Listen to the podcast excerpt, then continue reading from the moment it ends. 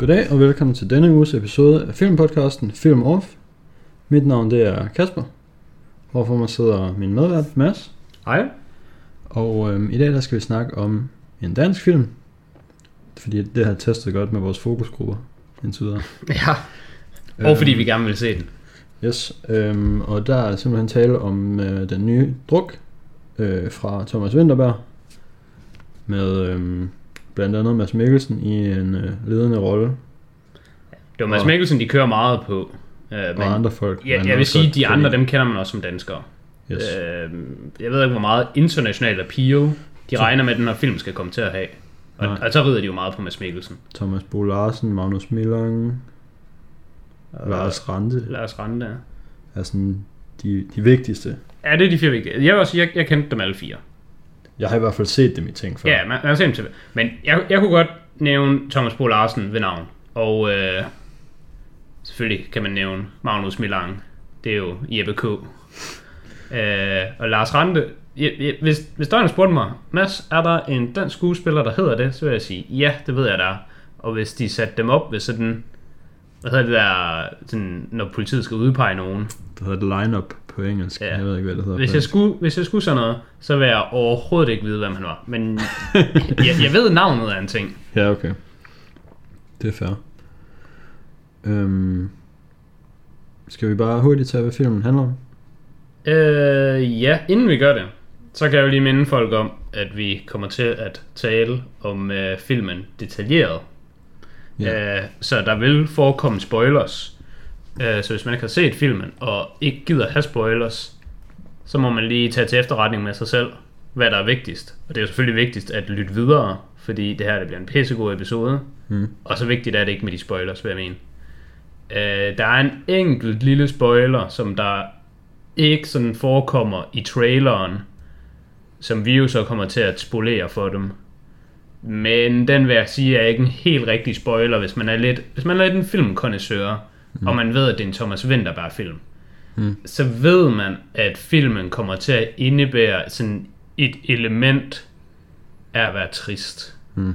Øh, Det er sådan lidt forskelligt, hvordan man er trist, fordi det er ikke nødvendigvis, at man sidder og græder, og det er ikke nødvendigvis sådan, men, men sådan ube, ubehag er heller ikke det rigtige ord. Jeg ved ikke sådan helt, hvad man skal sige, sådan, men på engelsk vil jeg sige, at man er sådan uncomfortable. Mm. Det, det kan Thomas Winterberg godt lide. At, Ukomfortabel. er, er man det? Er det et godt ord? Er det et Det er i godt beskrivende ord? det samme ord. Bare på dansk. Ja, men det er ikke altid det samme ord. Det Nej. samme ord på det ene sprog er ikke nødvendigvis det samme ord på det andet sprog, fordi det har Nå, forskellige betydninger. Men nu har jeg i hvert fald kredset nok om det, til jeg tror, at folk de godt ved, hvad jeg mener. Ja. Og, og, og det er næsten det eneste, jeg vil sige, vi, vi kan spoile for folk. Og, og den, den burde man vide, hvis man kender Thomas Winterberg. Jeg kan til gengæld sige, at øh, jeg tror, vi begge to synes, filmen er rimelig god. Jeg Ja. synes i hvert fald, den er rigtig god. Jeg kan sige, at jeg Jeg er positiv omkring den. Du har givet den en god rating. Jeg er positiv omkring den. Måske endda så positiv, at det kunne være, at jeg skulle lidt op i rating i forhold til, hvad jeg har givet den. For jeg, nu har jeg gået på det her tykket lidt over den. Og, øh, jeg, jeg, jeg, er i hvert fald, jeg er i hvert fald i den positive ende, så Yes. jeg, kan, jeg kan helt klart anbefale den. Ja. Den havde premiere sidste torsdag, tror jeg. Øh, ja, Film plejer at have premiere torsdag i hvert fald. Det film har næsten- premiere torsdag i Danmark, medmindre der er sådan en eller anden øh, international, de sådan skal følge. Ja. Så ja, det var torsdag den 24. september. Ja, øhm, så den går i biografen lige nu, og den kan man godt tage ind og se. Jeg synes, jeg synes, den er værd at se, og jeg, jeg overvejede faktisk, hvilken biograf jeg skulle tage ind og se den i, om, om det rent faktisk gav noget. At se den på en større skærm i øh, BioCity, hvor det er lidt dyrere, eller om jeg skulle tage i en mindre biograf i Biffen Nordkraft, hvor det er lidt billigere. Men jeg tænkte, jeg kan egentlig også godt forestille mig, at det også er en flot film, så jeg har ikke rigtig mm. noget imod at se den på den store skærm. Hvis den går i sal 1 i den største skærm, så kan jeg godt, så kan jeg godt give mig. Så det valgte jeg at gøre, og, og det var jeg faktisk glad for. Jeg synes, det er en, uh, det er en pæn film. Uh, vi har lidt haft talt om det her før, hvor der er sådan, det er svært at vurdere film, fordi den, den sådan på det visuelle aspekt, for den er jo ikke nødvendigvis lige så flot som Avengers eller Avatar, men det er bare fordi, det ligger ikke i kortene til, at filmen kan være det. Men, Nej. det, men en rigtig flot film, og en god biografoplevelse. Så, så det, det, det lyder til, at vi begge kan anbefale den meget varmt. Yes. Vil du lige uh, opsummere den? Ja, filmen handler jo om de her um, karakterer, som er spillet af de fire personer, vi lige har nævnt. De er alle sammen gymnasielærere, på et øh, sådan, På et gymnasie? ja, sådan mellemstort gymnasie, forestiller jeg mig. Det Ja, det, det ligner det mellemstort. Stort til mellemstort. Men ja. foregår det ikke også i København? Jo, i København. Så jeg tænker, der, er- altså, der er nok mere end et, og der er nogle af dem, der sådan er fucking giga, og nogle af dem, der måske ikke er helt så store. Ja, ja. Det, det, det ligner et. Der, er de har sådan, no, nogle af lokalerne er sådan lidt små og sådan noget. Og det var det gymnasie, jeg gik på også. Okay. det, der var bare, det er bare ærgerligt for eleverne. De ryger bare derind alligevel. Ja, sure. Jeg tænkte mere den måde, så man kunne vurdere det på, at det var mellemstort. Altså man ser selvfølgelig bygningen og sådan lidt, mm. men altså når der var det der lærermøde og sådan noget, når man så er Og så er der ikke sådan sindssygt mange. jeg synes, der var en del lærere. Der er der sådan måske sådan over 20. Ja, okay. Det er der mange lærere. Det er okay mange, I guess. Ja. Men vi er på en mellemstor gymnasie. Ja. Jeg ved, om det egentlig blev sagt, og der er bare ingen af os, der ved det, fordi det, det siger jo ingenting, hvis de sagde sådan, det er det her gymnasie, og sådan, okay, det er fint København. Ja. Det, det, det, er godt med dig, Sjælland. Who knows? det er basically svensk. Ja, Øhm, og de er til, det er en af dem fødselsdagsfest, tror jeg. ja På et det tidspunkt. er Magnus Millang, der bliver 40. Ja. Det er sjovt, at jeg kan, jeg kan huske, hvad, hvad, hvad hedder karaktererne? Uh, Tommy, det er Thomas Bo Larsen. Ja, den er nem. Den kan jeg. Øh, Mads Mikkelsens karakter hedder Martin. Åh oh, ja, det er Martin. Magnus Millangs hedder Nikolaj. Ja, Og Lars Randes hedder Peter. Peter, ja. Jeg tror, jeg kommer til at ikke være så god til navnene her. Jeg tror, jeg kommer til at referere lidt for ofte til dem som deres skuespillernavn, for det mm. kan jeg. Og så Thomas Bo Larsen, det er Tommy. Den kan jeg nemlig også. Så jeg kommer måske til at råde lidt rundt i det. Ja. Ja. Det, det finder, jeg prøver at gøre det så godt, jeg kan. Jamen, de er til, de er til en fødselsdag. Ja, og så øhm, har de fået lidt at drikke, og så er der en af dem, der fortæller, at han har læst den her teori, som en eller anden norsk filosof er kommet op med, om at mennesket simpelthen har, er født med en halv promille for lidt. Så den sådan optimale funktionalitet, den opnår man faktisk, hvis man lige, lige får lidt at drikke, inden man skal ud og Inden man bare skal leve sit liv. Leve Fordi sit det, liv og Det er jo bare gøre cross the ting. board. gøre ting i verden, ja. Ja. Så de beslutter sig for, at mens de er på arbejde, der vil de, der vil de prøve at have den her promille. Ja, altså, altså det er jo egentlig reglerne, de, de opsætter, det er, at det er i hverdagene, Ja, kun til hverdag. og så øh, fra de står op til klokken 8 om aftenen. Ingen alkohol efter 8 om aftenen. Hmm. Ja, altså det er sådan dagstimer, når man skal kalde det, i hverdagene, ja. Ja. de drikker. Yes. Jeg kan lige indskyde, at ham, øh, filosofen, den der teori, et eller andet ting, det, Filoen. det, ja, altså det, det er en rigtig ja. Ja. ting. Det er ikke noget, de sådan har opfundet til, øh, til, til filmen. Det var, der er en rigtig, øh, hvad skal man sådan sige, øh, teori, som Thomas Winterberg egentlig var kommet forbi i virkeligheden, ja. Ja. og synes var interessant, og så har lidt bygget filmen op. Ja, jamen det øhm, hørte jeg også. Jeg var faktisk til sådan en forpremiere på den her film. Øhm, sådan, det var faktisk, det var en rigtig forpremiere. Der er tit, når man er til forpremiere nu til dags, så er det sådan, så kan man lige få lov at se filmen aften inden. Men jeg var til premiere på den her film sådan en god to uger, tror jeg, før den kom. Øhm, hvor de havde sådan et show øh, i, hvad hedder det, Palace, den store biograf i København. Er det ikke Imperial måske? Imp- Imperial. Ja, hvor at, øhm, Thomas Winterberg var inde og lige sige nogle ord om filmen, og så spillede Scarlet Pleasure, som har lavet soundtracket til traileren, og også nogle sange, der sådan er med i filmen. De Ja. spiller lige et par numre. ti- Titelsangen i hvert fald. Ja. Hvad hedder den? What Alive? Det er. Ja. det, de synger, så det skal nok den hedder. Øhm, der fortalte, ja, og, og så det her show, det blev så streamet ud til andre biografer i landet. Ja, så du var ikke selv i Imperial, Nej, men du så en livestream. yes. Øhm, men der fortalte Thomas Winterberg også det her med ham der er filosofen. Ja. Så det var sådan, det var en del af hans forklaring på, hvordan han var kommet på den her idé. Ja. Det synes jeg, det giver lidt til filmen. Jeg kan godt lide, at sådan, det er jo ikke sådan baseret på en sand historie, men Mm. den har alligevel lidt sådan af virkelighedens troværdighed bygget op omkring sig. Ja. Øh, ja. Det er jo egentlig det, filmen handler om. Det ved man også, hvis man har set traileren. Uh, så resten af filmen, den er jo egentlig bare, hvordan det her det udspiller sig nu med, at uh, de, de starter med en halv promille, som jo det er teorien, Mm. sådan uh, foreslår. Og så synes de egentlig, det går rigtig godt, og det hele det er bare fint. Og så kombineret med, at de nok også bare gerne vil drikke mere, så finder de også lige på historien med, at ah, men vi skal også lige, vi er jo i gang med at skrive det her øh, hvad skal man sige, forsknings- at, forskningsartikel eller et eller andet, så vi skal jo teste de forskellige øh, niveauer, så de går også op på 1,0, øh, og går de også op på halvanden senere. Nej, men til Eller- sidst der går de bare på den der Nå, med... på tændingen. de, hver, de, nej, de tager også den der mellemsteppet, det er, okay, vi styrer det bare selv.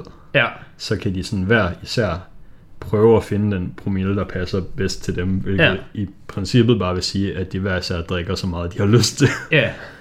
Men monitor det. Og det gør de jo med de der, øh, de har de der ting, man blæser i. Alkometer. Ja.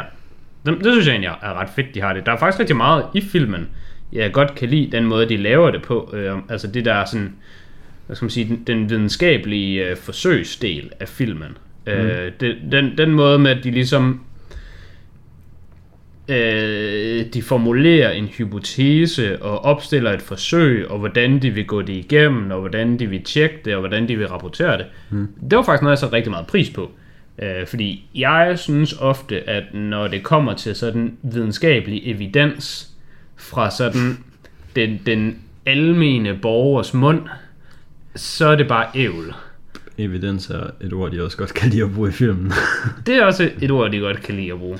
Men Øh, ja, som en, der har øhm, lidt akademisk baggrund, så er det sådan refreshing, at det ikke bare er sådan, oh my god, vi skal drikke lol. Ja, jeg, jeg synes faktisk, at, øh, at filmen den var sådan virkelig godt lavet på sådan alle de tekniske punkter.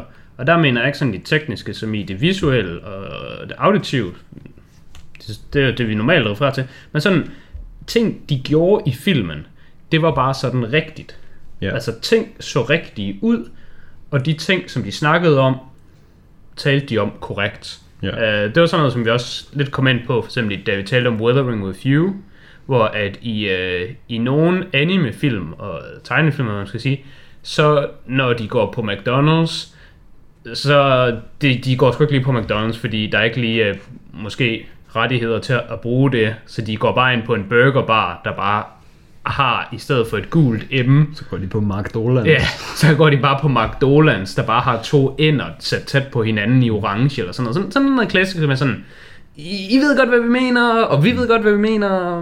Vi mener det rigtige, men vi må ikke sige det rigtige, men I kan selv sætte det sammen. Og, og, og sådan noget, det virker jo. Men så tager det, de bare på Hungry Jacks.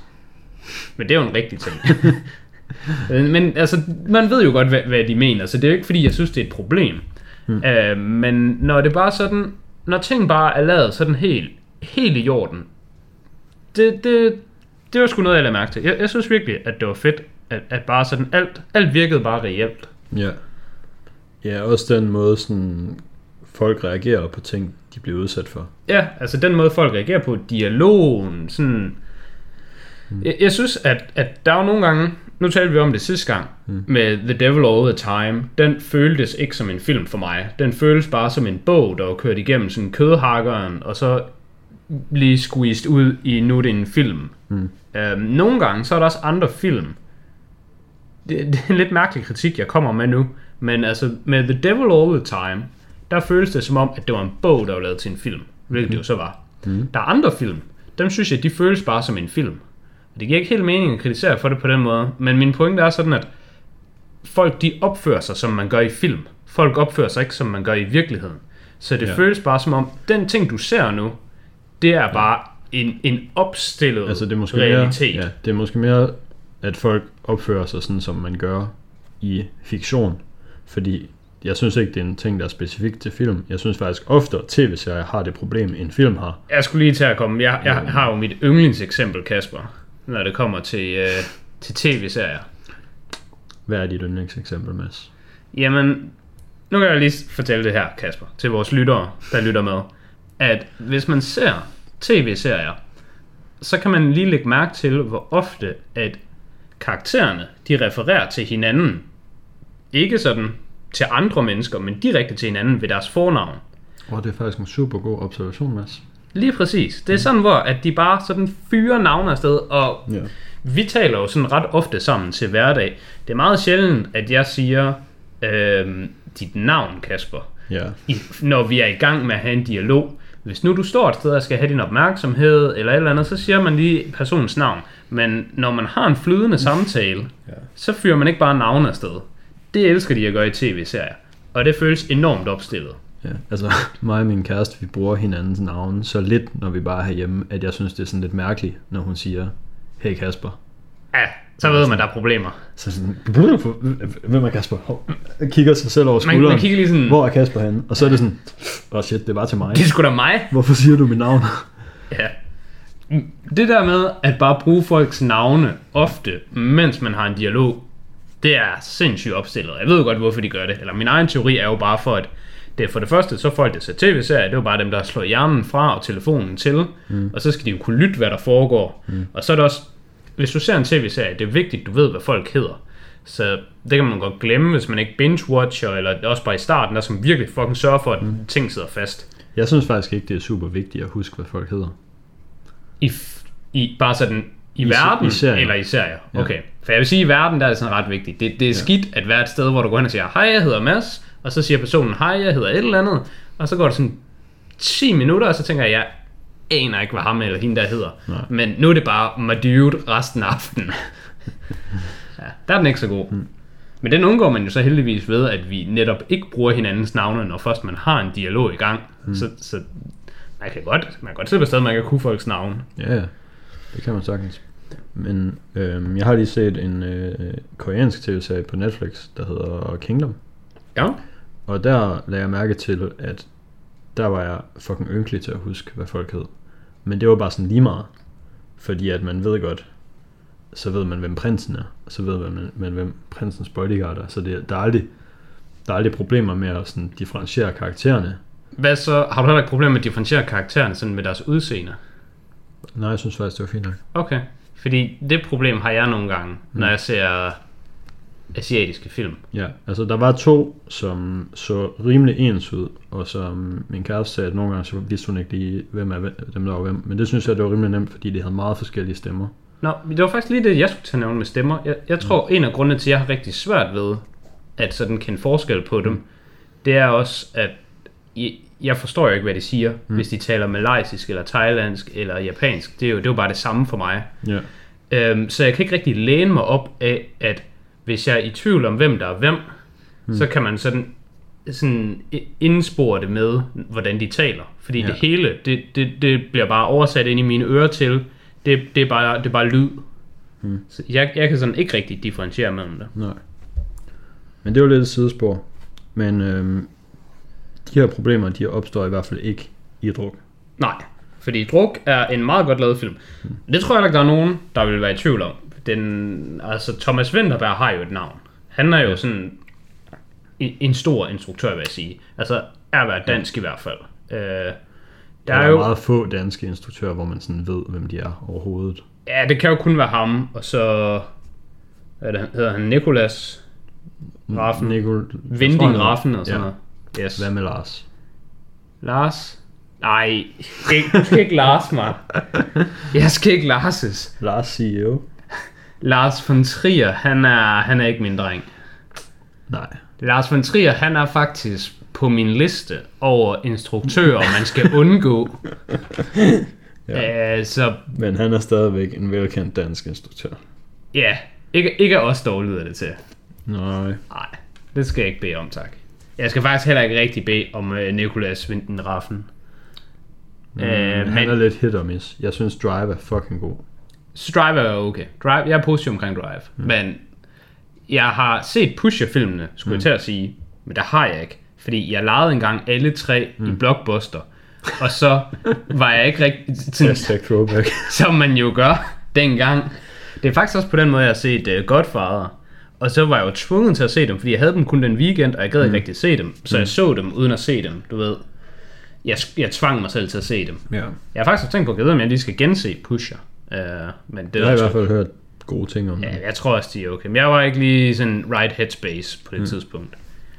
Um, men han har også lavet den der Valhalla Rising, som jeg Ja. ikke har set, men jeg har hørt er forfærdelig. Det synes jeg er en af de dårligste film, jeg nogensinde har set. Så Ja, han er ekstremt hit and miss. det er slemt, at du er negativ omkring film, fordi jeg synes altså virkelig, du er den positive også. Valhalla Rising, den er, den er så kedeligt, ked- kedelig, at den tid, jeg brugte på at se filmen, den ville jeg hellere have brugt på at sidde på en stol og kigge ud i luften.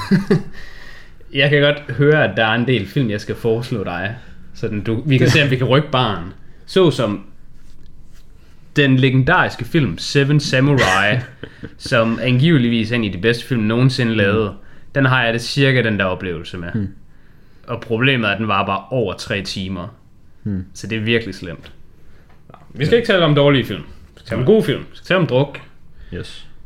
Vi, øh, vi har nogle hovedemner, vi plejer at komme ind på. Øh, filmens univers, storyline og execution, skuespillere og deres karakterer, komposition og øh, visuals, filmens highs and lows og sådan noget fun fact trivia. Ja. Og så lige slutte af med nogle anbefalinger til sidst til lignende oplevelser. Mm. Og nu har vi jo haft det her lille problem med, at da vi startede podcasten, så tænkte vi, at den skal være omkring en time, Ja. og det bliver sgu altid en time og et kvarter. Hmm. Nu skal jeg prøve at gøre mit. Hvad at tænker se, du i dag? om, Tænker du, vi prøver at holde En- en, hård linje? I dag, I dag der bliver det. Så. Okay. jeg skal nok holde øje med tiden, og så prøve lige at styre mig selv lidt. Okay. Der er også kun gået 20 minutter nu, Ja. så vi, øh, Stærk start. det, er en, det er en god start. Vi er 20 minutter inden, og du har lige fortalt, hvad vi har tænkt os at snakke om. Præcis. Det var en god introduktion. Ja. Jeg synes dog, at øh, komposition og visuals, Mm. det har vi allerede været lidt forbi gennem introduktionen. Så Ja. de emner, dem kan vi bare lige krydse af. Jeg har bare lige én ting. Yes. Jeg synes titelsangen er god. Det synes jeg også. Den er faktisk rigtig god. Mm. Det er, jeg, jeg ved ikke helt, om vi er der, hvor at det er en certified banger endnu. Mm. Men den er god. Og øh, da jeg så filmen, der var jeg sådan lidt, hey, hvor bliver min sang af? Mm. Jeg skal have min sang. Jeg er blevet lovet en sang.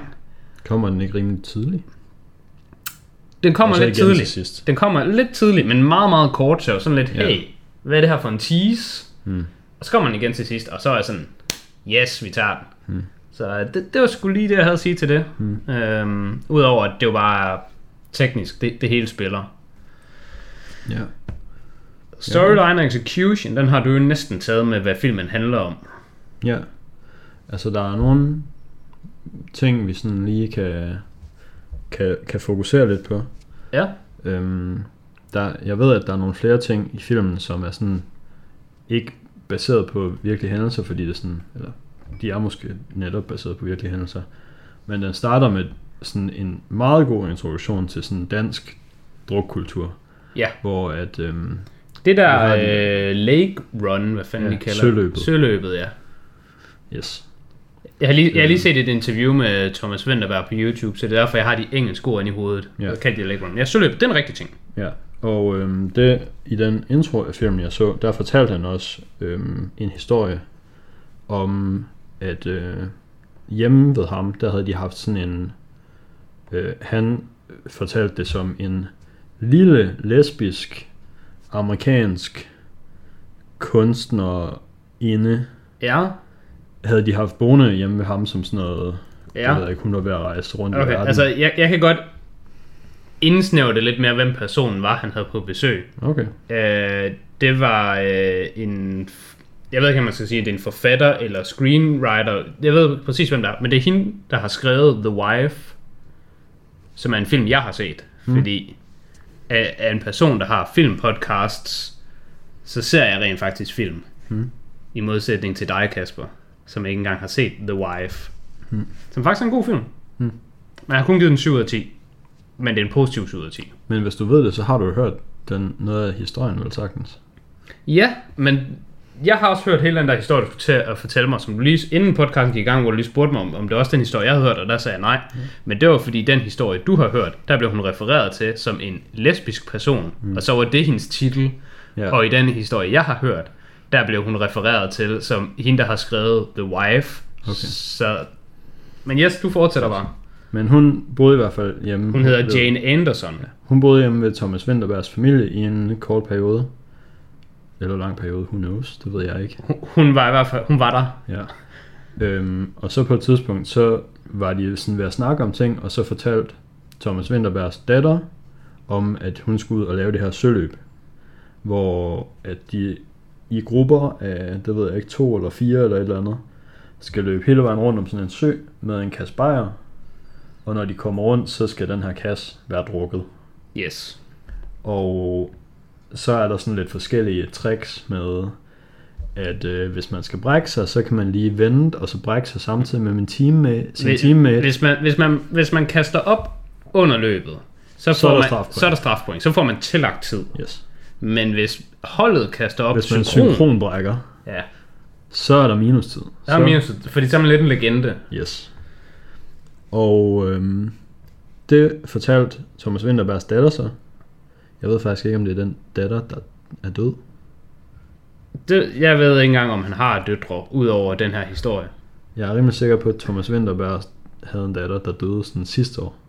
Jeg, Lige- føler, ikke, jeg føler virkelig ikke Lige særlig, de skulle gang med at sær, filme særlig godt med i uh, sådan danske nyheder. Jeg, jeg har faktisk blokeret BT og Ekstrabladet og der andre ting på Facebook, fordi hver gang min... Det øh, lyder som en ekstraordinær god beslutning. Ja, fordi hver gang alle mine øh, Facebook-venner slags bekendte fra 10-15 år siden, de liker et eller andet pis, eller de siger, se her Camilla, det, det bliver så meget også på torsdag, og så er det sådan et eller andet lort.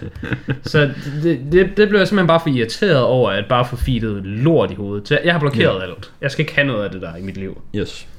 Men den datter havde så i hvert fald ved at beskrive det her. Og så havde hende Jane, Ja, hun havde jo syntes, det var fuldstændig forrygt, at Ja. det her skulle foregå. Så hun sådan, både det, at, at det foregår, men vel også lige så meget bare det, at datteren bare siger, Nå, men jeg skal bare de her ting, og faren ja. han er bare sådan, yes, vi ses bare, der er aftensmad ja, Ja, ja. klokken 8. Og Thomas han fortalte, at øh, han havde stået og sådan faktisk været lidt stolt af, at øh, hans datter skulle det her. Eller sådan, det er jo en ting, man skal. Ja, sådan, wow, fedt, fedt at du skal det. Nå ja, det, det er fedt. Uh, fortæl mig om det, når du kommer hjem. Ja, og så sådan bagefter, så havde han godt tænkt over, var det måske lidt mærkeligt, at jeg bare synes det var fedt? Ja. Det var i hvert fald noget af en kultur-crash mellem uh, dansk alkoholkultur og... Uh, Og amerikansk, Ja. hvor at der må de jo ikke engang drikke i den alder. nej, nej. Altså, de kan godt få nogle gøbs og slå folk ihjel. Det er sådan cool nok. Du kan også køre bil, når du er 16. Men drik, der må du også lige vente. Altså man kan gå ned i en Walmart med sin onkel, når man er sådan noget 12, og så kan han købe en riffel til dig. Ja, han skriver under på, at du er ansvarlig. Han er ja. sådan lidt, min fucking niece, hun har, jeg har lært hende gun sådan control. Hun ved godt, hvordan, værsgo her. Ja. Hun, får, hun har kun 10 patroner i gangen. Hvad er det værste, der kan ske? At hun skyder 10 mennesker. Hmm. No problem. Ja.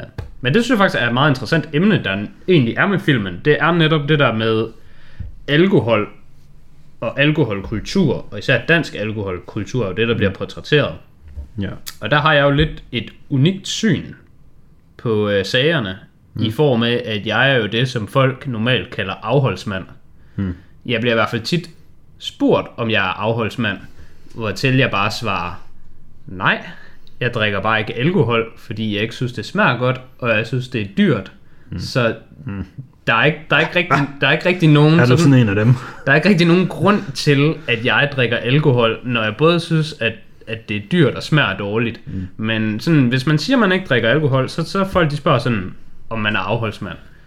Du kan lige få en, en ekstra kigger til den der sådan sovs af ting, der er dårlige ved det. Som nok ikke er så relevant for dig, men det feder også fucking meget. Nå, ja, det ved jeg så til gengæld godt. Der er sindssygt mange kalorier i. Øhm, ja, det er ikke lige så relevant for mig, men altså, jeg vil da sige, at jeg går lidt op i at være sund. Mm. Ikke meget, men sådan, hvis valget er mellem at være usund eller ikke være usund, så vil jeg hellere ikke være usund. Åh oh, ja, men altså hvis man er struggling for kalorier for sådan at holde sin vægt, så kan man jo godt bare hamre nogle bajere, hvis man kan lide dem. Ja, men er det ikke, ja, jeg skulle sige, at det ikke bedre bare at drikke cola eller... Jo, Kakaomælk eller sådan noget. kan lide det, Ja, hvis man nu kan lide bajer og, og har brug for at tage et par kilo på, så er det selvfølgelig meget fedt. Ja, hvis man har brug for at tage et par kilo af, så er det også skidt at drikke bajere. ja men alligevel ikke helt, for hvis nu drikker mange bajer i din hverdag, Mm. og du skal tabe dig, Mm. Så kan du bare stoppe med at drikke bajer, og så taber du dig jo. Det er rigtigt. Altså det, det, er jo virkeligheden, det, det er jo næsten det bedste tip, man kan overhovedet give til folk, der skal tabe sig. Der er bare fra nu af, så må du faktisk kun drikke vand. det er jo bedre kendt som en Chris Pratt. Ja, var det der, hvor han bare stoppede med at drikke øh, bajer, Ja, så tabte Altså, han sig. det gjorde han nok ikke rigtigt, men øhm, men jeg han, synes, er, han er med i Parks and Recreation, og der da de skifter fra sådan fjerde sæson til femte sæson eller sådan noget, Ja. så er han lige pludselig fucking ripped, og det er selvfølgelig, fordi han er blevet castet til Guardians of the Galaxy, men så er de sådan, wow, du går nok ripped nu, og så er bare sådan, jeg stoppede, med, jeg stoppede bare med at drikke øl. Så bare med at drikke bajer. Nu, nu er jeg bare en Marvel action helt. Mm. Øh, men det jeg vil sige var, at jeg synes sgu, den danske alkoholkultur, den er rimelig sindssyg. Ja. Så det er, ret, det er sådan ret fint, at sådan se det blive portrætteret på den her måde. Men problemet er, så hurtigt som du jo sagde ja til det, at det er alle jo enige om. Mm. I det interview, jeg så øh, med Thomas Winterberg, øh, det var noget, der ligger på YouTube. Det var ham og Mads Mikkelsen, begge to faktisk. Der, jeg tror, det var Mads Mikkelsen, der egentlig sagde det, at noget, der er meget interessant ved filmen, det er, at den foregår i Danmark, hvor at vi har det her groteske alkoholforbrug, men vi også samtidig går meget op i sådan at være sund og grøn energi og være fornuftig, og vi vil gerne være sådan et progressiv land, og det hele er bare all good. Mm. Men i virkeligheden, så er vi bare nogle af dem, der drikker mest ja. på verdensplan. Um, Det er bare for at holde de halvanden. Nej, den halve. den halve Ja, Den halve halvanden. det er jo så, kan jeg sige, problematikken med at se sådan en film for sådan en til mig. Det er, når de siger en halv promille, mm. det aner jeg ikke, hvor meget er. Og når de siger i en promille, det aner jeg ikke. Jeg ved ikke, jeg ved knap nok, hvad en genstand er. Altså jeg ved, at hvis du drikker en, en, en hel øl, så tror jeg, det er en genstand. Men er det ikke sådan lidt forkert, fordi man siger sådan, en øl er en genstand, et glas vin er en genstand, og et shot er en genstand. Men er det ikke bare fordi, altså det, det kan jo ikke passe, det hele kan jo ikke være det samme, men det er nok bare sådan, man runder det jo, op, så altså, folk det er kan... sådan close enough. Der er jo mindre i et glas vin, og meget mindre i et shot. Ja, det ved jeg godt. Men du skal tænke, hvis man siger en øl, Mhm. mm-hmm. er den så en flaske på 25 centiliter? tror, Eller er det en, en dåse på 33 og et glas vin? Hvor store er de? Og alle de der ting. Ja, glas vin er selvfølgelig en rimelig sådan flydende Ja. ja. størrelse, fordi nogen har bare sådan nogle psykopat kæmpe, glas. Det er jo bare vinglas. Yes. Men jeg tror, dåsen, det må være den standard genstand. Det var i hvert fald bare sådan mumbo jumbo for mig. Med, Mm. og jeg ved ikke helt sådan, hvor påvirket man er. Altså, hvis man drikker en øl, så er man jo ikke rigtig påvirket. Hvis man Mm. drikker fem øl, er man, er man overhovedet påvirket, hvis man drikker fem øl? Bare sådan, Jeg tror, man er der, hvor man er påvirket, men man kan stadigvæk godt selv synes, man ikke er. Men det er man. Ja, det, det, det, det, det, det er jo sådan nogle ting, jeg tænker, når, når jeg ser det. Altså for eksempel, der var den der scene med Mads Mikkelsen, hvor han skal sige industrialiseringen, mm. og han så lige sådan hakker lidt hen over ordet. Mm. Der er sådan lidt, jeg ved sgu ikke helt, at, at det er en ting, hvor meget skal man drikke, for det bliver en ting. Mm. Og han skulle åbenbart bare drikke sådan to-tre mundfulde vodka, for det var lige den måde, han holdt sig op på en halv promille. Ja. Øhm, men det var i hvert fald sådan... Det, der, man har nok... Man får nok lidt mere ud af filmen, hvis man kan relatere lidt mere til den slags alkohol-eventyr. Mm. Jeg synes til gengæld, øhm, at sådan hele filmen igennem, der holder den meget sådan... Den, den har aldrig sådan et forhærligende blik på den danske alkoholkultur. Den bliver aldrig sådan... Nej, nej, det har den aldrig. Det hele det er bare den bliver good. aldrig sådan en fejring af, at det er nice. Nej, men det bliver heller ikke set ned på. Jeg, jeg, var, jeg var faktisk Jo, der. jeg synes, det bliver lidt set ned på. Nå, jeg synes faktisk, at øh, lige med undtagelse af, at øh, Mads Mikkelsens øh, kone, som er svensk, Ja. eller norsk, svensk mm. måske, jeg tror hun er svensk, hun siger noget af bra, så hun må være svensk. Øh, hun siger på et tidspunkt, at hun har ikke noget mod, at han drikker, fordi hele, la- hele landet drikker jo som svin alligevel. Hun er norsk-svensk. Hun er norsk-svensk. Jamen, det er Jeg ved- bingo, jeg ved bango, ikke- bongo. Jeg ved ikke, hvilket sprog hun snakker. Ja, jeg er ret sikker på, at det er svensk. Mm. Både fordi hun siger noget af bra, mm. og jeg kunne ikke forstå særlig meget af, hvad hun sagde. Mm. Sådan nok det, der var mindst troværdigt ved hele filmen for mig, det var, at hun bare talte hendes sprog til danskere, mm. Og danskere bare talte dansk tilbage til hende, og alle, de var bare sådan, yes, vi ved præcis, ja. hvad vi siger. Men det er jo nok sådan noget, hvis man bor sammen. Ja, og det, det, det, så det tror jeg er sådan rimelig reasonable. jeg, jeg tror også, det er meget normalt, men jeg tænkte bare, jeg aner ikke, hvad hun siger overhovedet. Mm. Altså, jeg ved simpelthen ikke, hvad, hvad det er for nogle ord. Så det, det er fint, at der er undertekster. Mm. Øhm, men jeg synes faktisk, at det virkede så reasonable, det de havde gang i. Og det var også den måde, altså... Det er jo en film, så det virker jo bare på den måde, som de har lyst til, det virker. Men jeg sad faktisk og tænkte på, hvorfor er det egentlig, man ikke bare må drikke på arbejdet? Altså, det kan man jo bare gøre. Altså, hvis, hvis, som vi jo ser med Mads Mikkelsens karakter Mm. Martin, at der hvor han øh, er påvirket op til en halv promille, ja. der altså, han bliver en bedre underviser, han bliver mere engageret, han Mm. bliver gladere, og det hele det er bare godt. Der tænkte jeg, er du som arbejdsgiver ikke bare sådan, synes bare det er fint? Jo. Altså, Altså, jeg vil måske også mene, at den største grund til, at man ikke må det, det er bare på grund af sådan noget kulturelt med, at det skal man jo ikke lige. det er nemlig også det, jeg tænkte. Jeg sad Fordi- faktisk og tænkte, det er jo bare, det er jo bare kulturstop. Det er jo ikke ulovligt. Ja. Politiet kommer jo ikke efter dig, hvis du har drukket et par bajer som underviser. Du kan Nej. blive fyret, fordi ledelsen ikke synes, man må. Ja. Men de ting, de gør dig i, er jo ikke ulovlige. Du kan Ja. bare drikke. Og det er selvfølgelig klart, at man skal ikke gøre det, hvis man er sådan noget tømrer, eller sådan noget, sådan noget, hvor der kan gå ting galt Hvad med buschauffør? Er det et bedre eksempel måske? skal heller ikke. For der er du ansvarlig for andre menneskers liv. Yes.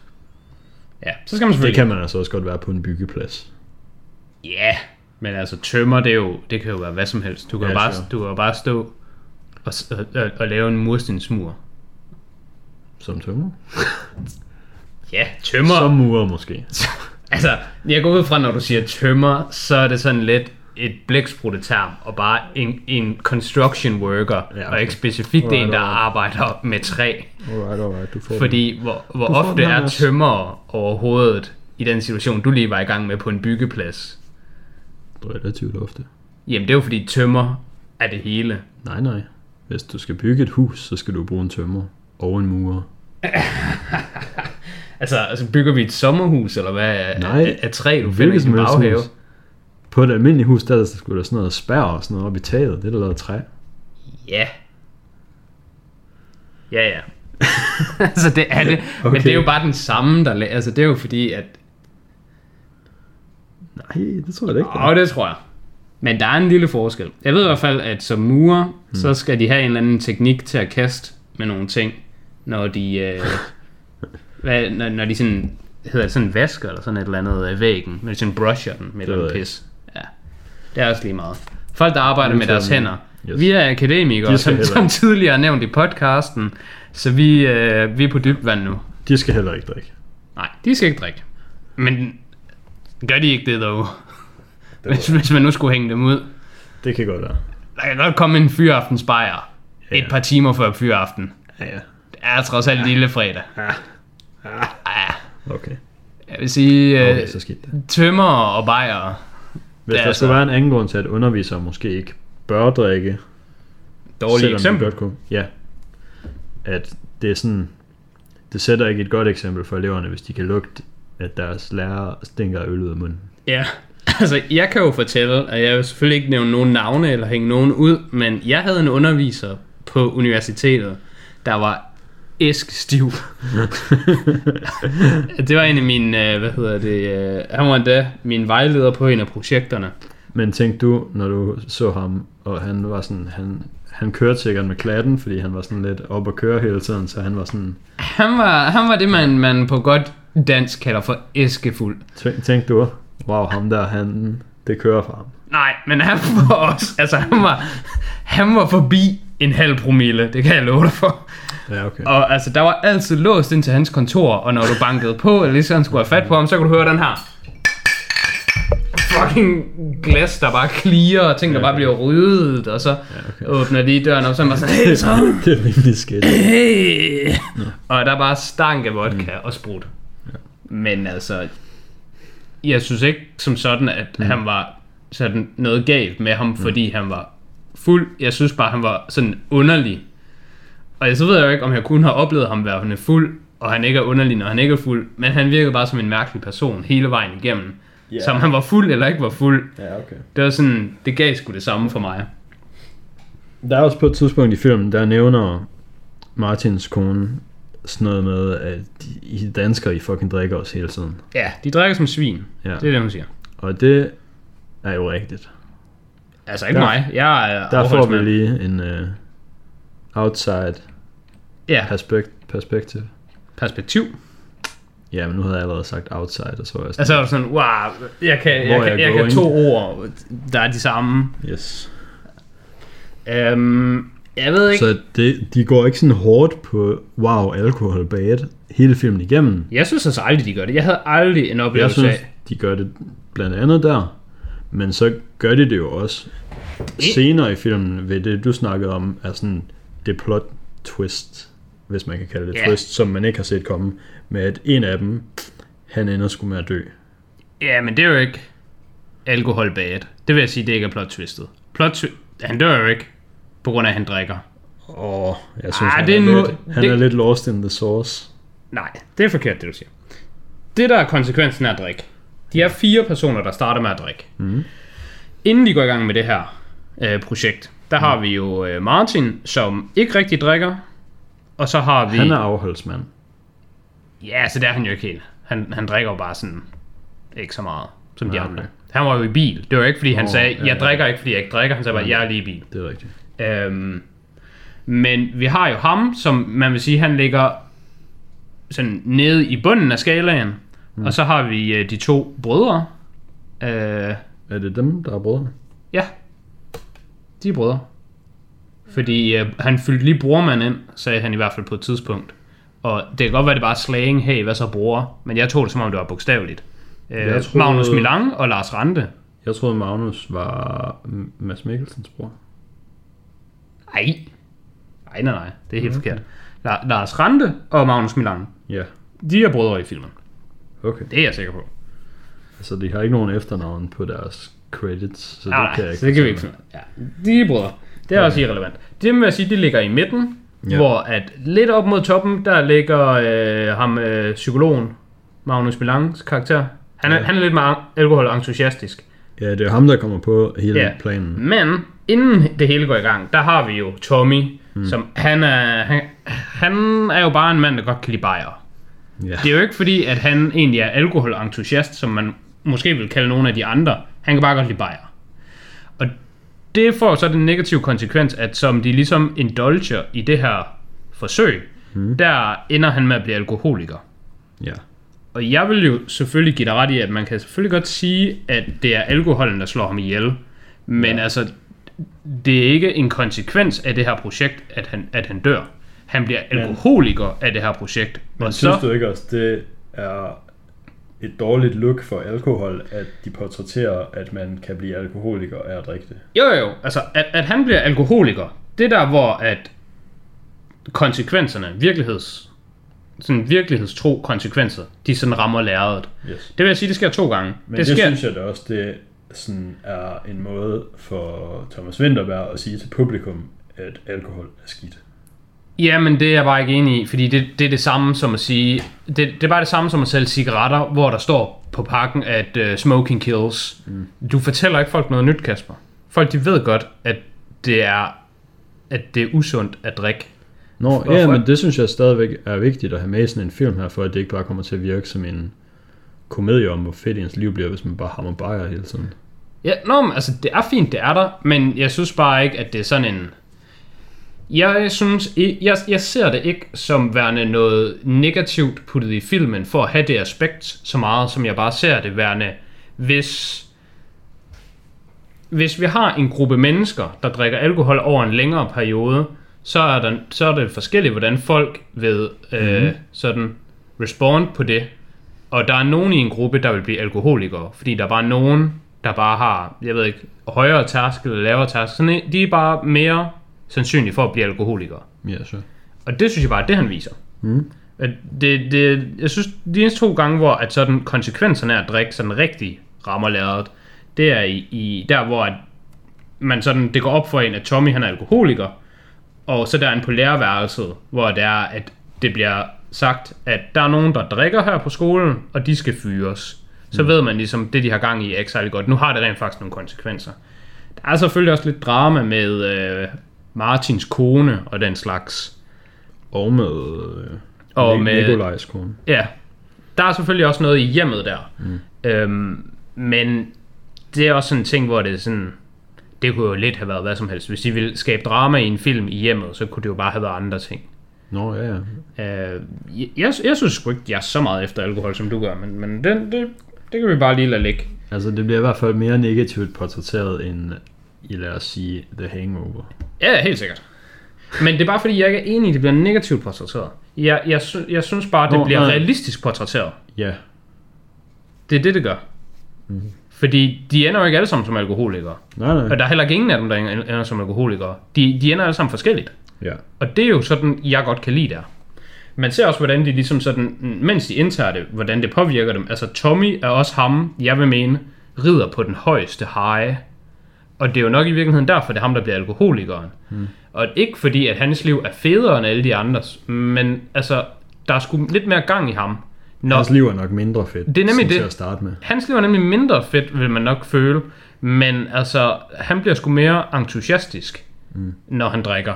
Altså, der er de der gode scener, hvor han er ude som øh, øh, træner, fordi der er miniputter. Øh, altså, er jo ikke nok med de sjove scenerne, mm. så, så er de egentlig også sådan ret gode. Du kigger lige på uret. Ej, vi har lige et kvarter tilbage. Mm. Men øh, det leder også mig hen til, faktisk, det jeg synes, der er det vigtigste at tale om i Ja. ja. filmen. Og det er faktisk noget, vi plejer at starte med, men nu mm. lyder det til, at vi slutter af med det.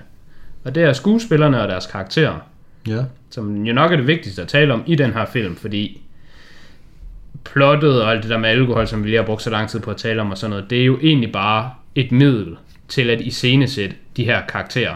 Ja. Og jeg synes, de er vanvittigt gode. Ja, det er er sindssygt gode karakterer, og de er spillet mm. fantastisk godt. Ja. Da jeg så filmen, så var jeg faktisk lidt overrasket over, hvor Mads Mikkelsen heavy den var. Jeg havde forventet, det ville være mere lige fordelt ud fra traileren Okay, mellem de fire karakterer. Jeg synes ikke, det var skidt for filmen, at det var mere Mads Mikkelsen i fokus. Det var nok endda godt. Det, var, Ja, bare ja. ikke, det var bare ikke det, jeg havde forventet ud fra okay. traileren. Jeg tror, det er selvfølgelig, ud, når du bliver ved med at sige ud fra traileren, jeg tror, de fleste vil forvente, yes. at filmen er mere Mads Mikkelsen heavy, end den er. Ja, Det havde altså, jeg forventet. Jeg havde det forventet, jeg at den var også, mere Mads. Mikkelsen. Jeg, havde, jeg kan sige, jeg har set traileren og intet andet. Ja, det er det samme for mig, men, Men hvis man har set noget af det sådan, men du ved jo også bare, hvordan verden fungerer. hvis man har set noget af det sådan, især det internationale marketing, så er det meget Mads Mikkelsen fokus, ja. fordi folk i USA, de ved fandme ikke, hvem Magnus Millang er. Det er sgu da Jeppe K. Jeg ved ikke engang, hvem Jeppe K er. Ah, jeg tror godt, du ved, hvem Jeppe K er. Er det sådan noget turbomodul? Det er ikke turmodul, det er Danish Dynamite. Jeppe K, det er ham, der siger, det er lige meget. Fuldstændig. Vi hæver bare loftet. Jeg ved ikke, hvad det der er. Har du aldrig hørt det? Nej. Kæft, mand. Du er så kedelig. Jeppe K, han er en legende. Okay. Hvis man ikke ved, hvem Jeppe K er, så er man godt nok missing out i sit danske comedy-liv. Mm. Men jeg ved jo også, at du ikke er så god inden for comedies. Hvilket faktisk, der kommer der lige en lille foreshadowing. Mm. Det er jo mig, der må vælge film næste uge. Og Ja. det bliver sgu en comedy. Og når jeg siger en comedy, så mener jeg faktisk to. Så der ryger lige to film på listen der. Okay. Men du er heldig, fordi komedier er jo korte. Så jeg tror kun, det var sådan en halvanden time begge to. Så Py. Det er, jo, det er jo næsten bare din The Devil All The Time lorteforslag, der bliver opvejet der. Øh, men jeg havde den omvendte øh, sådan opfattelse af dig. Jeg havde regnet med, at den ville være meget mere Mads Mikkelsen heavy, end den egentlig var. Mm. Øhm, og jeg havde måske egentlig også regnet med, at og det er jo sådan lidt, nu har jeg lige hypet Jeppe K. op, men jeg havde egentlig også regnet med, at det var ham, der skulle bære læsset, altså Mads Mikkelsen. Mm. Øhm, Magnus Milang er jo ikke sådan en... Øh, Magnus Milang er i virkeligheden nok den danske Jonah Hill. Ja, men er han, er, han er også... Jonah Hill er jo han også... ikke også stand-up, Magnus? Jo, det tror jeg. Han har også haft en, sådan en, en comedy. Jo, han har, haft, han har også lavet en film, jeg har set. Der var ikke sådan super god. Men, men altså, han... Men han er jo ikke dedikeret skuespiller i hvert fald. Nej, han er ikke sådan en dedikeret skuespiller, og han er også sådan lidt typecast. Hmm. Og faktisk, hvis ikke du ved, hvordan Jeppe K. er, så kan jeg bare fortælle dig, hans karakter er lidt derover. Det der med, at han siger sådan, Nøj, den er sindssyg. Kæft, den er god. Det er sindssygt, det her. Hmm. Altså, Ja. nogle af de replikker, han siger deri, mm. dem tror jeg sgu næsten, de bare en til en taget og løftet. det der, hvor han drikker et glas champagne og bare siger, det er sindssygt, det her. Vi gør det. Mm. Um, men jeg var meget overrasket over, at selvom at Mads Mikkelsen, han fyldte rigtig meget, eller lad os sige, sådan, mm. øh, skærmen, og det var ham, der fik mest tid. For det første, så synes jeg ikke, han var den bedste karakter. Og den mest interessante karakter. Mm. Jeg synes heller ikke, han var den bedste skuespiller.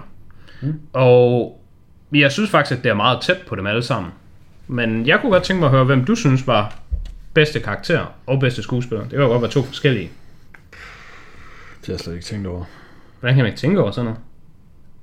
Jeg synes, de er sådan rimelig... Men vi er enige om, de, altså de, de er tætte. De er rimelig even. Ja, men det var også godt gået af folk, hvis vi skal sætte dem op med Mads Mikkelsen, som jo er...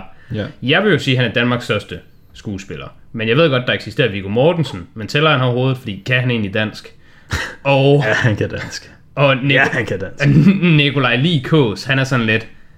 Han er, han er lidt mere sådan en skovtrold for mig. Han er sådan lidt... Ja, jeg tror heller ikke, han er helt så kendt internationalt. Ah, men han har jo været med i Engler og Dæmoner, Ja, som jo er toeren til Da Vinci-museet, som jo er en stor film. Ja. Så Som Tom faktisk Hanks. er etteren til Da Vinci Mysteriet. Nå, etteren. Okay, Men Da Vinci Mysteriet kom først. den kom film. først. Ja, ja. Men Engle og Dæmoner er den første bog. Okay. Ja, han har været med en Tom det er sådan Hanks lidt film. mærkeligt. Det må være sådan doing rigtigt. it. Koster Valdor, som er stor. Ja, han er sgu lidt, han er faktisk lidt en legende. Mm. Uh, men for mig, så kan jeg bare lige tage det, mens du sidder stadigvæk og tænker, jeg synes sat med Thomas Bo Larsen, han var god. Hmm. Altså ufattelig god. Sindssygt Ja, god. det jo. Det- Sådan, jeg synes, han var lige så god, hvis ikke bedre, som Nick Nolte er i The Warrior. Mm. Og ikke nok med The Warrior er en af mine yndlingsfilm, og en af de film, jeg synes er, er, er en af de bedste film nogensinde. Der synes jeg også, Nick Nolte i den film er vanvittig god. Og han vandt en Oscar for Ja. hans Best Supporting Role. Jeg ved jo godt, at Thomas Bo Larsen han ikke kan vinde en Oscar for Best Supporting Actor. Han kan jo ikke engang blive nomineret, fordi det er en dansk film. Men jeg er lidt derover af, hvor at det føles lidt Parasite-agtigt for mig, det her. Jeg synes virkelig, skuespillerne var sindssygt gode i den her film. Og at det er lidt halvurimeligt, at de ikke kan få en Oscar-nominering. Især Thomas Bo Larsen. Mm. Jeg synes, at han løftede filmen til et helt andet niveau. Filmen ja. havde overhovedet ikke været lige så god for mig, hvis han ikke havde været så god. Det er rigtigt. Det samme kan sige som Mads Mikkelsen, men jeg vil sige, at Thomas Bo Larsen giver, på en skala fra 1 til 10, giver han næsten halvanden stjerne for mig, og Ja. Mads Mikkelsen giver en hel stjerne for mig. De, Man de kan sige, Mads Mikkelsen, han har heller ikke... Det er ikke en overperformance i forhold til, hvad man forventer fra ham. Nej, Hvor fra Thomas Bo Larsen, der forventer man måske ikke rigtigt. man, man forventer måske ikke så meget, og jeg synes faktisk også, at han har den bedre karakter. Det kan godt Mm. være, at det er Mads Mikkelsen, der har hovedrollen, og så den mest tid og den største character arc, mm. men jeg synes sgu Thomas Bo Larsen, det kan også være, at han bare arbejder så godt med det, han får, men mm. det var altså, han var fantastisk god, synes jeg. Ja. Han spiller i hvert fald det der sådan descent ned i alkoholisme. Ja, han mindede mig virkelig meget om Nick Nolte ja i The det er Warrior. sindssygt god øh, sammenligning. Ja, fordi de har begge to den der lidt ærgerlige til sådan anerkendelse omkring deres egen tilstedeværelse, men også halvopgivende. Men de vil også gerne komme ud af deres situation, mm. men de kan ikke sådan helt selv få sig selv ud af den. Den der scene hjemme ved øh, Tommy, hvor Den er så god. Mads Mikkelsen har taget ham med hjem, og så er han sådan, ah, skal vi, lige- vi skal lige, Vi skal vi skal lige... lige have en kold. Ja, ah, det bedste, det skulle næsten være den starter. Han er bare sådan, Nå, jeg tror da forresten, måske der er et par kolde over i køleskabet. Jeg kigger lige. Og så øh, Mads Mikkelsen kan han sådan, nej, du behøver ikke tjekke. Vi, vi, vi skal ikke have nogen. Sådan, ah, okay, okay, du har ret, du har ret, du har ret. Og så går der sådan et par minutter, så, jeg ved faktisk ikke, måske vi har et par flasker herovre i skabet. Sådan, han, han, han prøver bare sådan hele tiden sådan nonchalant, lige sådan kringle den ind. Og så har han det der dansemove, hvor han står virkelig i hop, og sådan, Ej, og så laver der den her, og så hey, og så wow. Og så i samme swoop, så åbner han lige køleskabet og tager to bajer ud, og sådan sådan, hey, hvad så? Og så må han lige sådan skyde ham ned igen. Det er nok et af high points i filmen, hvis vi skal... Um, Hvis vi skal være der, ja. Jeg vil også sige, det var, det var mit næsthøjeste point. Mm. Uh, men faktisk ikke på grund af det. Ikke på grund af Thomas Bo Larsen i den scene. Han var også rigtig god. Men øh, nu lyder jeg bare latterligt, det ved jeg godt. Øh, Jeg har været lidt i tvivl, om jeg overhovedet skulle adressere det her, fordi det, det er så lille en detalje at gå op i, og med fare for, at ingen andre går op i det, så lyder jeg jo bare åndssvag nu. Men jeg håber, at andre de også plejer du ikke at være bange for, kan man sige. jeg håber, at andre også har tænkt på det. Eller i hvert fald tænkt på det, når jeg siger det. Mm. Dialogen i druk er sindssygt god. Mm. Og det tror jeg ikke, der er nogen, der er i tvivl om. Men jeg vil gerne sådan pinpoint et sådan præcist øjeblik i filmen, hvor jeg tænkte over det. Mm. Og det var, da Mads Mikkelsen, han sagde, at jeg har noget pasta til dig i køleskabet.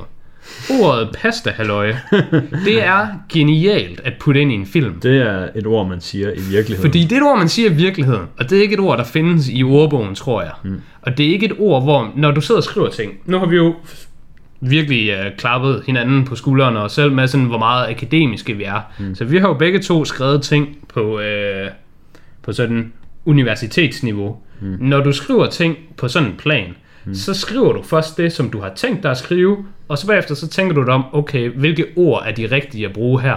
Og der er det ikke pasta halløj, der kommer op. Og jeg Nej. føler lidt, det er det samme proces, når du laver en film. Så er han sådan, ah, jeg har pasta og kødsovs til dig, eller vi, vi har bare ordet pasta halløj, det fucking, det var bare sådan, det kunne jeg virkelig godt lide, at det var der. Jamen, det er... Det er Mit high point for filmen. Ja, Kan jeg så tage nu? Hmm. Det sgu de sidste øh, 30 sekunder. Måske 60 sekunder. Det sidste minut, ja. der får der så det hele. Og det var, det var, det var, det var i virkeligheden det, der overbeviste mig om, at den gik fra 7 ud af 10 til 8 ud af 10 som minimum. Mm. Fordi jeg taler ofte om, at når jeg ser film, så vil jeg gerne have et punch. Mm. Jeg vil gerne have et eller andet mindeværdigt, et eller andet turning point, et eller andet, hvor jeg virkelig sådan tænkte over det.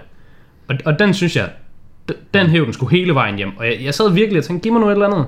Ja. Den føles for mig som da jeg så 1917, og Schofield, han bare tonser hen over den der slagmark. Det var bare sådan, nu får du sgu the high, nu, får vi, nu er vi cranking up to 11. Vi har også... Altså, man har bygget så længe op til Ja. Mads Mikkelsens dans. Man har virkelig bygget op til den man dans. har fået at vide så mange gange, Ja. at han kan alt muligt. Han kan, og ved du hvad? Det kunne han fandme også. Det kunne han. Det var så god en dans, at jeg var sådan lidt, jeg vide, om det egentlig er ham, eller om har de en stunt til nogle af tingene, men jeg synes, det var så smooth, og det hele, det var, jeg tænkte, jeg tror sgu nok, det er ham, og det er jo ikke fordi, det, øh, altså han hoppede op og lavede sådan lidt nogle ting, jeg var sådan lidt, det er sat med fedt, det der. Eller han ikke sådan et backflip. Lavede han backflip? Han lavede, Okay, det er måske han ikke- lavede et eller andet move. Okay, det må det har nok ikke været ham. Men jeg tænkte sådan, der hvor han hopper op, og sådan svinger i et eller andet, og ned Ja, igen, og sådan, det, Det kan sagtens være ham. det lignede nemlig rigtig meget af ham. Det var sådan mit, mit sådan, det positive high point. Jeg har det sådan lidt svært med den, men jeg tror, at jeg synes, den er god nok. Fordi, øh, nemlig mit low point i filmen, Ja, som faktisk er et lidt lignende point, ja, det der, hvor han sådan, en af de første gange, hvor han underviser, hvor han er fuld, hvor han snakker om det der med, hvem vil I Stemme vælge på. som præsident? Åh, ja, den var lidt og så lang. har vi ham her, som er sådan en dranker og ryger, og ham her, som også ja. drikker bajer og er ude og hore hele tiden. Ja. Og så er der ham her, som er sådan en afholdsmand og oh. kan godt kan lide at male dyr. ja. Og så vælger de selvfølgelig afholdsmand, og så bam, surprise, så er det bare Hitler. ja. Den synes jeg også var ret For lang. det første var, var det lidt plat, men for det andet, så da det bliver revealet, at han har baitet dem alle sammen til at stemme på Hitler, så får han bifald. De fucking sidder Ja. og klapper af ham. Ja, Og det er sådan virkelig meget sådan, noget sker ikke i virkeligheden. det der sker ikke i virkeligheden. Nej. Og når resten af filmen virkelig er sådan, wow, det her kunne godt ske i virkeligheden, Ja, så er det virkelig et spark i løgposen, der tager en det tager helt vi- ud ja. af Men jeg har et counterpoint, der kan redde den. immersion. Men Jeg kan redde den. er I der? Jeg redder den lige. Jeg er red. Du har gået på gymnasiet, Kasper. Ja. Okay, har du haft gymnasielærer på dit gymnasie, Kasper? Ja. Hvordan var de? Var de sådan lidt, var de sådan lidt medium til, til medium minus? Ja, også nogen, der var bedre end det. Ikke som underviser, jamen jeg bare sådan, hvor Som cool humans. var de? Jeg havde da nok et par stykker, der var cool. Havde de høj cool faktor? Sådan en meget høj cool faktor. Det ved jeg ikke. Okay. Har Mads Mikkelsen cool faktor? Ja, Har Mads Mikkelsen høj cool faktor? ja, men hans elever skal ikke sidde og klappe af ham. Jeg siger bare, Især fordi på det tidspunkt, der synes de ikke, han er cool. jo jo, det gør de jo netop. Yes, de synes, han er lidt cool der. Men det, Det har sy- de ikke gjort tidligere. Nej, nej, men det er jo derfor, det er jo måske derfor, de synes, han er cool, fordi de sådan, nu får de den gamle tilbage. De skal ikke klappe af ham. Altså, jeg er enig, de skal ikke klappe af ham. Og der synes jeg til sidst, den har også lidt den der... Der var han Sker, danser, sker eller det hvad? her i virkeligheden faktor, hvor han sådan løber ind igennem dem, og de sådan Nej, det fucking sker i virkeligheden. Det kan jeg fucking love dig for, det sker men, ja, men der var jeg også sådan... Det er Har- til studenterkørsel. Har du ikke det selv været til er studenterkørsel? Fucking fulde. Har du ikke selv været til studenterkørsel? Jo, jo. Har du mødt lærer med så til studenterkørsel? Det ved jeg faktisk ikke, jeg det, da jeg var på studenterkørsel, der var der nogle steder, hvor vores lærer kom forbi, og jeg kan fucking okay. Love dig for, at det der skete der det var det samme her. Og jeg havde det, fordi for det første var jeg jo ædru, og så det var pinligt. Jeg synes, det var pinligt at se mine klassekammerater var sådan, Nå, ham der er læreren, som jeg ved, du ikke kan lide, hvorfor går I over og samler ham op og står sådan og smider ham op i luften, præcis som skete i film. Ja. hvor jeg sådan, Nå, Mikkel Flemming Michael, jeg ved jo bare, at I hader vores musiklærer, så det giver slet ikke nogen mening, at I står og fejrer ham. Det, yes. Det er faktisk bare, det er bare spil for galleriet, det der. Yes. Det sker Så altså i der, virkeligheden. der havde jeg lidt den samme, men den, den røg til den gode side, hvor applaus i klasselokalet ja. røg til den dårlige side. Især fordi det er verdens dårligste bait, faktisk af to grunde. For det første, så er det, jeg går ud fra næsten alle, de ved det der med Hitler med, og øh, hvem vil du helst stemme på, og så nævner man den ene og den anden, og så er alle de der pis. Hmm. Altså det der med at bait folk ind i Hitler, det er så latterligt. Men noget andet var lidt dumt ved det, det var, at den ene af dem var Churchill, hmm. og ham havde vi lige haft om i en tidligere scene, hvor han fortalte om, hvordan Churchill var. Og så bagefter, så fortæller han... Men det havde hans elever jo ikke.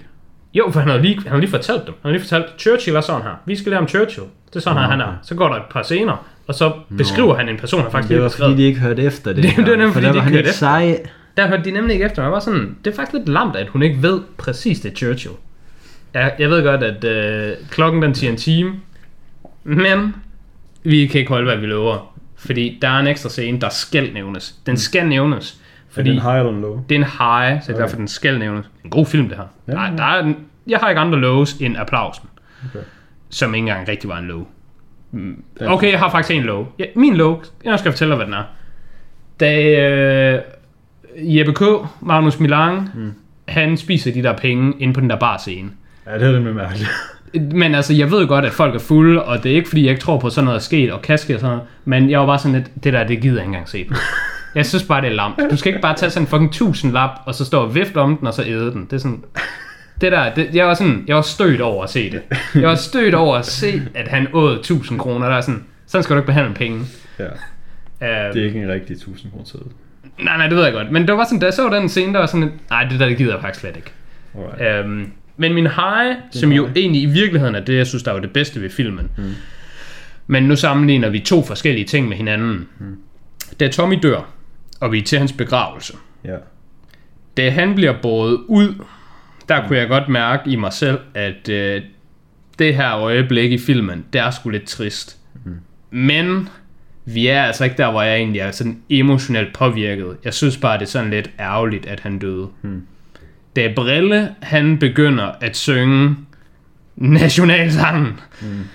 der, der skal jeg gerne være mand nok til at indrømme, der knep jeg en tårer. Mm. Jeg, øh, jeg, jeg græd sgu til den her film. Kun én tårer. Det var bare lige én emotionel tårer, der kom ud af mit venstre øje. Men mm. jeg kunne sgu mærke den ned langs kinden, og sådan, shit, det er hårdt, det her. Mm.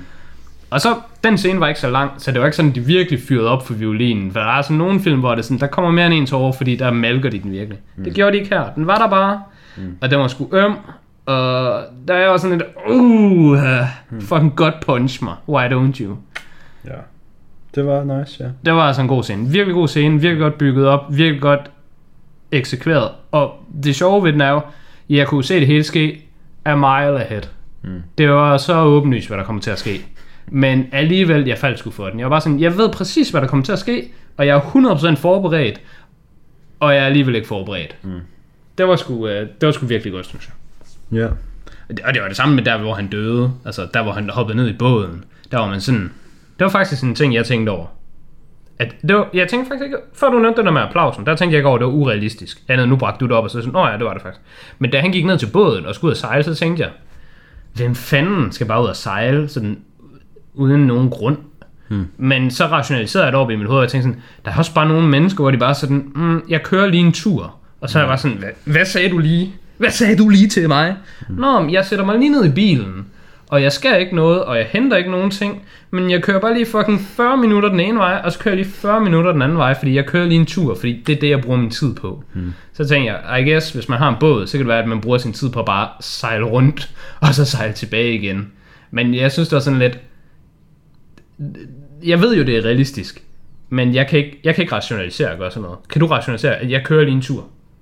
Det giver jo ingen mening. Altså, jeg kan godt rationalisere det, men det er jo fordi, at så er det fordi, det er sådan, man hader sin kone, men man er stok det kan godt være, at man er sådan, i det forhold. det kan godt være, åh, jeg hader godt nok mit liv lige nu. Jeg kører lige en tur, bare fordi jeg skal ikke være her.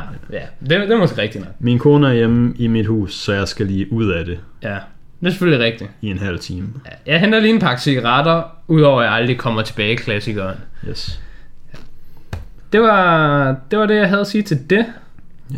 Så har vi et par anbefalinger og noget trivia. Jeg har ikke ja. noget trivia, har du, en, det er vi har, du, drysset. har du en rating? Jeg har en rating.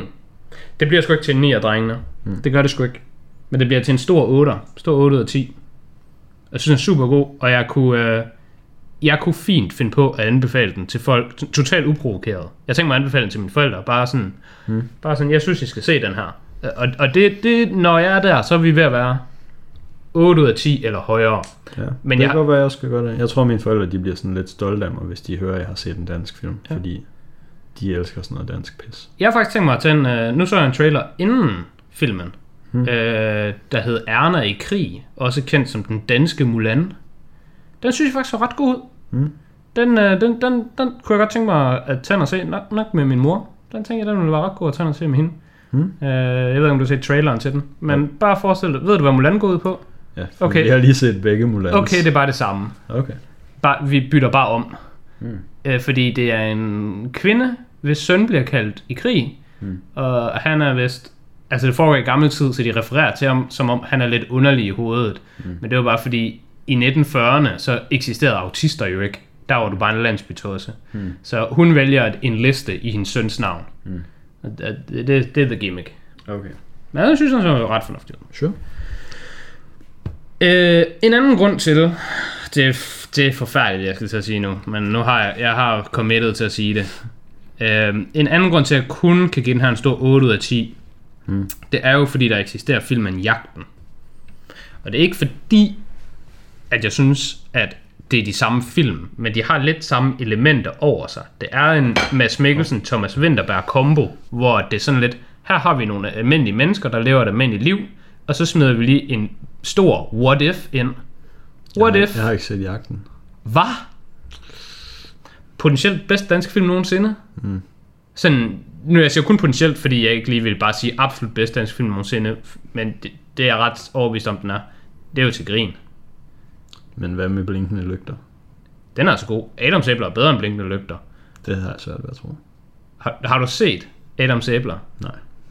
Potentielt Danmarks sjoveste film. Hvad med de grønne slagter? Den er nummer to. Adams æbler er lidt, lidt bedre lidt sjovere, synes jeg. Men, mm. men de begge to, altså jeg nævner bare 10 ud af 10 lige nu. Men, Ja. men Jagten er, er, er klart den, den bedste danske film, jeg kan komme på lige nu. Okay. Øhm, og jeg kan huske, jeg sagde det samme, jeg så uh, Weathering With You, omkring, jeg synes, det var et lavs argument, at nogen ikke vil give Weathering With You så høj en karakter, som den fortjener, baseret på, at Your Name eksisterer, og bare den samme film, men bedre. Og nu er jeg selv i gang med det samme, men jeg synes godt, jeg må. Og jeg har ikke helt tid til at komme ind på, hvorfor jeg må. Men Jagten kan man helt klart anbefale. Den er dog meget mere hård at se. Hmm. Meget, meget mere hård at se end druk. Men den er sindssygt god. Sure. Så kan jeg lige spørge dig igen. Ja. Når du ikke har set Jagten, har du så tilfældigvis heller ikke set Dead Poets Society? Øh, kun for lang tid siden. Okay. Det er de to film, jeg vil anbefale. Jeg synes, de minder begge to lidt om druk på hver sin måde, og begge to fantastisk gode film. Hvis man nu gerne vil se lidt mere med øh, en gymnasieunderviser, der har et stærkt forhold til hans øh, elever, og er sådan lidt, lidt anderledes, og de går igennem nogle ting, og der sker noget, og der, der er nogle konsekvenser, som han så skal deal med, men det er ikke rigtig hans skyld, men det er måske indirekte hans skyld. Altså, er det Martins skyld, at Tommy dør? Fordi de havde aldrig indgået alt det her, de havde gang i, uden ham. Det var, det var da han var inde, de andre var inde. Og det var da han ville crank, altså han er lidt lederen af gruppen. Ja. Så er det hans skyld, Tommy dør? Det er det jo selvfølgelig ikke, men han kan godt gå igennem livet med den følelse måske Ja, ja, nogle gange. Altså, det er jo ikke hans skyld som sådan, men han kunne godt have taget valg, der gjorde, at Ja. Tommy ikke døde. Så hvis man skal have noget lidt i den stil, så er Dead Poet Society er super god. Ja. Den har givet 9 ud af 10, så jeg synes trods alt, den er bedre end druk. Alright. Men det synes jeg ikke rigtigt. Den får bare en gratis stjerne på grund af Robin Williams. Mm. Men altså, sådan er det jo, når en legende gør entré. Og det, at han er død i virkeligheden, det, det gør sgu lidt, når man ser filmen. Jeg tror, sidste gang jeg så Dead Poets Society, der var han ikke død. Ej, det var han heller ikke, dengang jeg så den.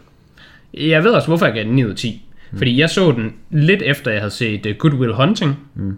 Og den Også ekstremt god. synes jeg var sindssygt god, og så skulle bare have mere af det. Og så Dead Poet Society virkede meget tæt på, hvilket den sådan på en måde er. Mm. Uh, men den var bare ikke lige så god. Og så er man sådan, okay, de er ikke lige så gode, så den ene får 10, og den får 9. Så jeg havde faktisk håbet på, da jeg så Dead Poet Society her for et par dage siden, at jeg ved, om jeg ikke lige kunne bombe den til en 10, det kunne være så sygt lækkert. Mm. Det kunne jeg desværre ikke. Men den er stadig rigtig god. Alright.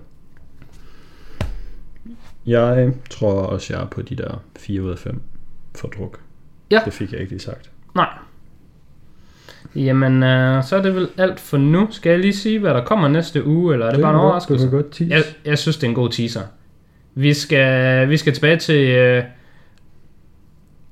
historiens bedste filmår nogensinde, Mm. som er 94. 1994. Det er det bedste filmår nogensinde. Der udkom endnu en true banger Jeg ved ikke, om jeg er enig, men jeg ved, Hva? jeg ved at du synes det. Det er jo objektivt. Det er, obje- Den- det er målbart. vi ikke nu. Det er målbart, og det er objektivt, og det er 1994. Endnu en banger, du bare lige kan smide oven på listen. Mm. Ace Ventura. Vi skal have noget Jim Carrey. Pet Detective. Pet Detective. Har du set dem? Ja, også for tusind år siden. Ah, de er sindssygt gode. De er sindssygt gode. Og vi skal have etteren og toeren. Jeg tænkte, nu har vi haft lidt noget seriøst. Mm. Druk, den er sådan lidt... Mm, altså, den er ikke super hård at komme igennem, men, men vi har, vi har haft, haft nogle lidt hårde film at komme igennem. Vi skal have noget, man bliver glad af. Ja. Ja, the, all, the Devil All The Time var bare hård at komme igennem, fordi den, Den er var hård kost. Fordi den var dårlig. Ja, den, den var hård kost af andre grunde. Jeg synes altså også, at vi har set nogle andre film, der var sådan lidt halvdeprimerende. Jeg kan ikke lige komme på det. Ja. Det var Mulan også, fordi den var også ringe. Ja, det var imens flot. Så må vi fandme cut den her. Nu er vi også gået 10 minutter over, selvom vi sagde, at vi ville lade være med at gå over i dag. Ja. Der er, det er bare ekstra content. Ja. Så øhm, tak fordi I lyttede med, og tune ind næste uge til Ace Ventura 1 og 2.